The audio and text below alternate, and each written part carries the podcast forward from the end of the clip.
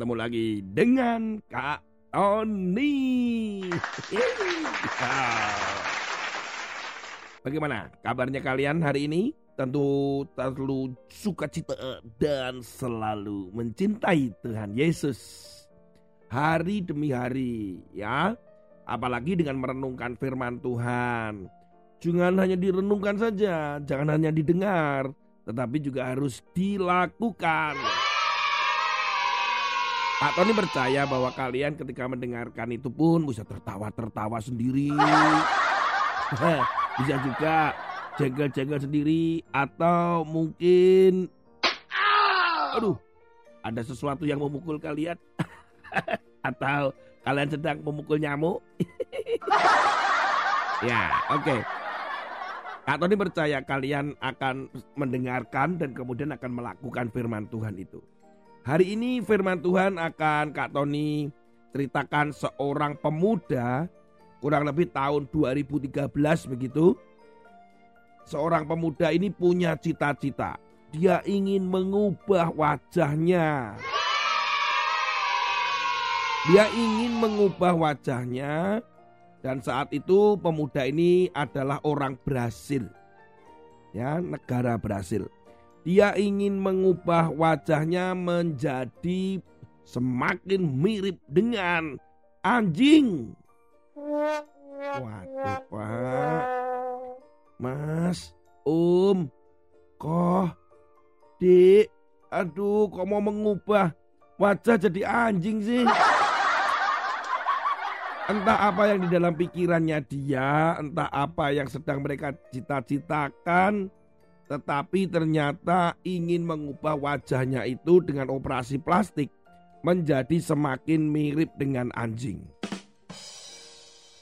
Usaha ini perlu biaya yang sangat besar karena untuk operasinya sendiri akan mengambil moncong atau mulut daripada anjing yang sudah mati dimasukkan atau dijahitkan di mulutnya. Kemudian telinga anjing juga dijahitkan disambung di telinganya. Kemudian bulu-bulu mata pun juga diikutkan di sekitar matanya anak-anak.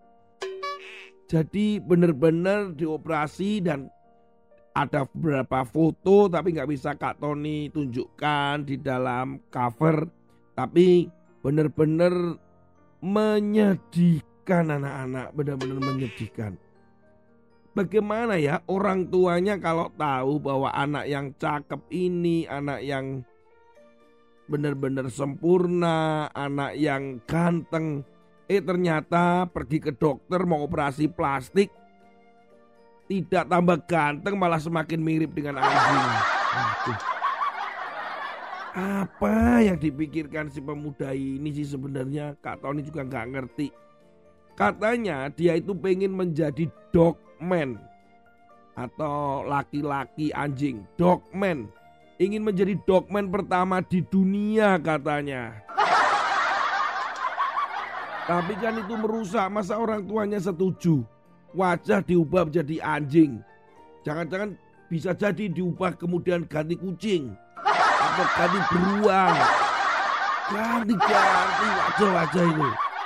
Orang tua mana yang gak sedih anak-anak? Melihat anaknya yang begitu bebal, mungkin orang tuanya sudah memberitahukan jangan atau sudah menasehati. Tapi masih aja ternyata tidak mau mendengar atau tidak mau melakukan nasihat apalagi tidak melakukan yang benar. Firman Tuhan hari ini mengajarkan kita tentang hal itu. Amsal pasal 17 ayat yang ke-21.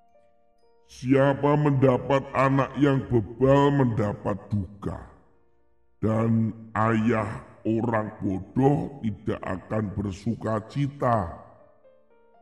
Orang tua itu akan sedih dalam arti duka. Ayah itu akan sedih juga, nggak bersuka cita. Kenapa? Karena melihat ada anak-anaknya yang bebal dan bodoh. Bebal itu sekali lagi bahwa sulit diberitahu.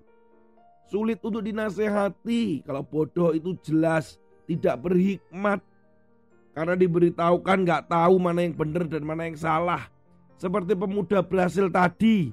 Masa wajahnya diganti menjadi wajahnya anjing? Nah, ini benar-benar orang tuanya pasti malu. Orang tuanya pasti sedih. Orang tuanya nggak ada sukacita. Bagaimana dengan kalian? Kalian malas-malesan sekolah? Atau membuat ulah di, dengan teman-temanmu? Atau saat pergi? Ketika nanya Kak Tony melempari kaca dengan batu atau dengan pasir bersama dengan temannya? Ya, itu pun sudah menjadi kesedihan buat Kak Tony. Ketika anaknya Kak Tony pernah mencuri, wah itu sedih sudah diberitahu jangan mencuri. Ternyata mencuri alat-alat tulis di sebuah toko alat tulis. Bahkan pernah juga anaknya Kak Tony mengalami yang membuat Kak Tony dengan istrinya Kak Tony sedih sekali. Kenapa? Karena anaknya Kak Tony mencuri di sebuah mall. Mencuri mainan. Aduh itu sudah diajarin jangan mencuri diberi contoh. Sudah diberitahu berbuat baik bukan mencuri barang orang lain. Tetapi waktu itu dia bebal. Waktu itu tidak berhikmat atau bodoh. Itu mempermalukan orang tuanya. Mempermalukan Kak Tony dengan istrinya Kak Tony.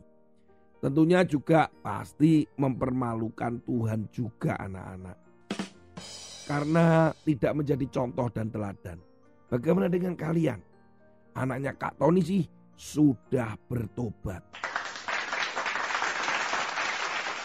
Itu peristiwa yang selalu dia ingat. Banyak peristiwa yang dia ingat juga. Tetapi hari-hari ini dia sudah banyak berubah. Bagaimana dengan kalian? Kalian diberitahu nggak mau, dinasehati tidak mau, dan kalian malah mempermalukan orang tuamu dengan gaya rambutmu, dengan tingkah lakumu, dengan sikapmu, kata-katamu. Aduh, aduh, aduh, aduh, aduh, aduh, aduh. Bayangin betapa sedih ya orang tuamu. Tuhan Yesus ingin kita selalu menjadi kebanggaan dan kesenangan orang tua kita juga. Supaya orang tua kita bersuka cita, orang tua kita senang dan bahagia karena memiliki anak-anak seperti kalian. Mengapa? Karena kalian takut akan Tuhan dan melakukan firman. Sampai ketemu pada episode yang lain. Tuhan Yesus memberkati.